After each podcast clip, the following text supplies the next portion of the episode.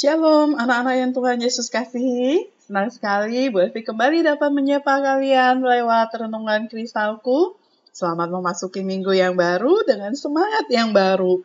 Mari pagi hari ini kita siapkan hati kita. Kita akan membaca dan merenungkan firman Tuhan. Mari kita mohon pimpinan dan pertolongan Tuhan. Kita bersatu dalam doa. Terima kasih Tuhan Yesus atas segala berkat, anugerah, dan kebaikan Tuhan yang sudah memimpin menyertai kami melewati satu minggu. Kami memasuki minggu yang baru, memasuki hari yang baru yang Tuhan percayakan buat kami. Terima kasih pagi ini kami boleh bangun.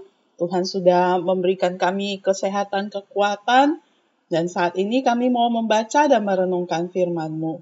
Pimpin berkati setiap kami ya Tuhan. Demi nama Tuhan Yesus kami sudah berdoa. Amin.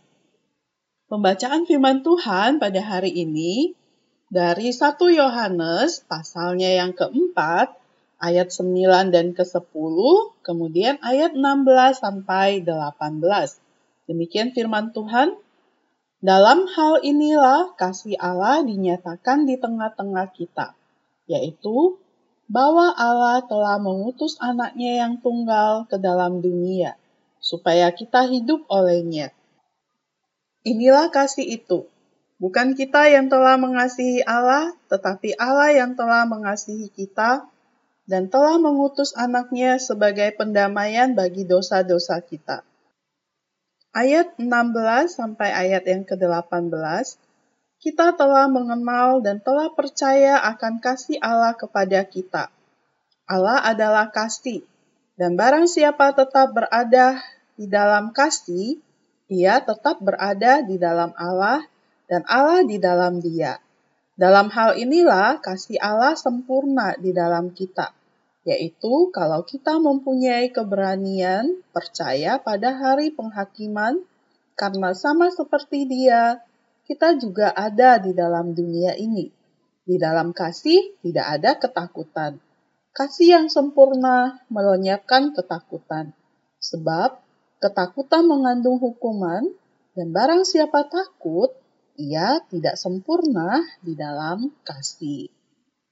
Anak-anak yang Tuhan Yesus kasihi, firman Tuhan yang ditulis oleh Yohanes kepada orang-orang percaya, dia mengatakan, begini loh cara Allah menunjukkan kasihnya yang besar bagi kita, yaitu dia telah mengutus putranya yang tunggal ke dalam dunia agar setiap orang yang percaya kepadanya dapat memiliki hidup yang kekal melalui kematian Kristus di atas kayu salib.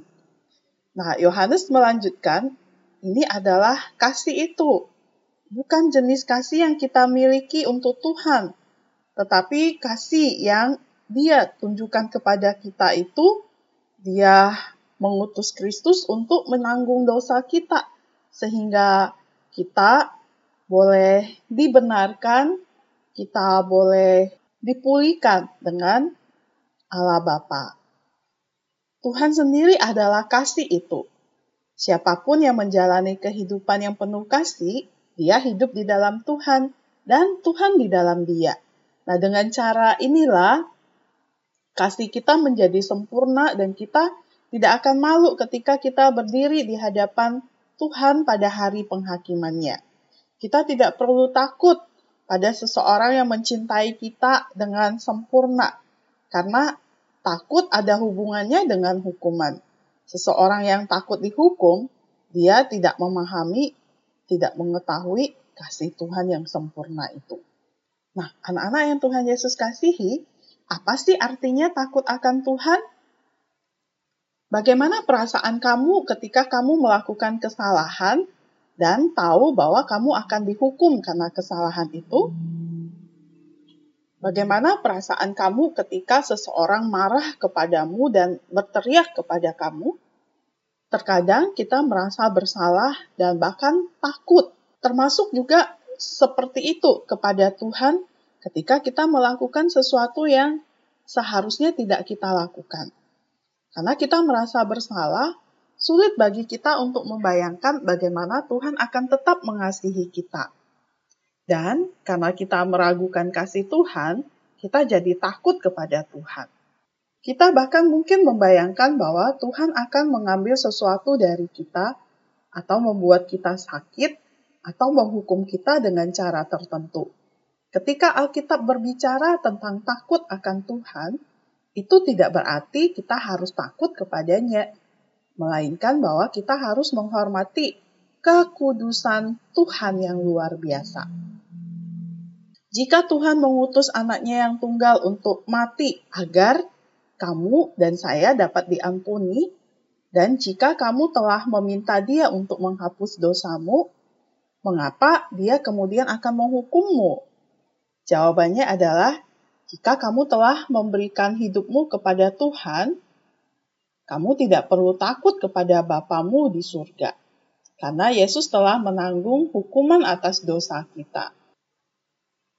Jadi anak-anak yang Tuhan Yesus kasihi, ketika kita melakukan hal yang tidak berkenan kepada Tuhan, ingatlah, datanglah kepada Tuhan. Minta ampun kepada Tuhan. Mari kita berdoa. Bapa di dalam surga, terima kasih ya Tuhan untuk kebenaran firman-Mu pada hari ini. Kami bersyukur untuk pengorbanan Tuhan Yesus yang telah mati di atas kayu salib untuk menebus dosa kami. Sehingga kami tidak perlu takut kepada Tuhan yang mengasihi kami. Dan di dalam kasih Tuhan, kami boleh merasakan keamanan yang sempurna. Dan kami berdoa Tuhan memberkati hidup kami, boleh menjadi alat Tuhan, memancarkan terang kasih Tuhan di mana pun kami berada. Terima kasih Tuhan Yesus, berkati kami hari ini dalam proses belajar mengajar.